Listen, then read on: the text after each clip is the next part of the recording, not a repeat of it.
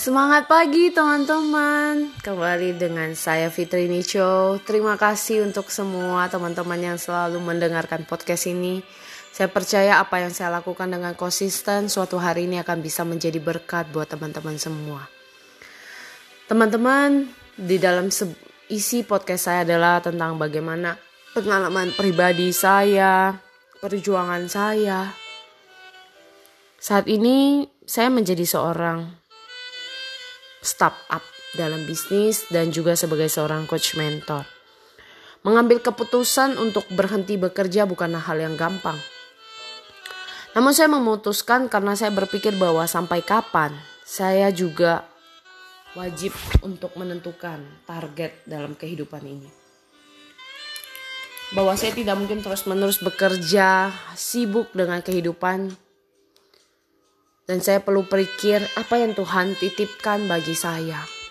Hari ini saya menemukan bahwa Tuhan memberikan saya satu anugerah yang cuma-cuma yang saya juga tidak perlu sombong. Karena ini adalah anugerah hadiah terindah yang Tuhan kasih secara gratis. Bisa berbicara menjadi seorang public speaker, ini adalah anugerah. Bukan karena kehebatan seorang fitri ini namun karena kebaikan Tuhan untuk melatih diri saya dan saya boleh gunakan untuk menjadi bar, uh, berkat. Doa saya bahwa suatu hari Tuhan boleh terus memakai hidup saya melalui bakat talenta ini dalam bisnis saya untuk membantu kehidupan orang secara income pasif, kesehatan lebih baik dan juga bisa percaya diri.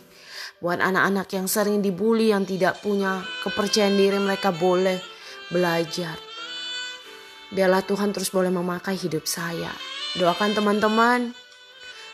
Biarlah saya boleh terus memakai hidup yang masih Tuhan kasih ini dengan baik, dengan maksimal.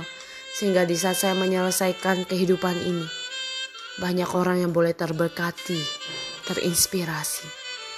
Dan saya mengucapkan kepada teman-teman semangat, berjuang terus, sama-sama kita berjuang dengan talenta yang Tuhan titipkan.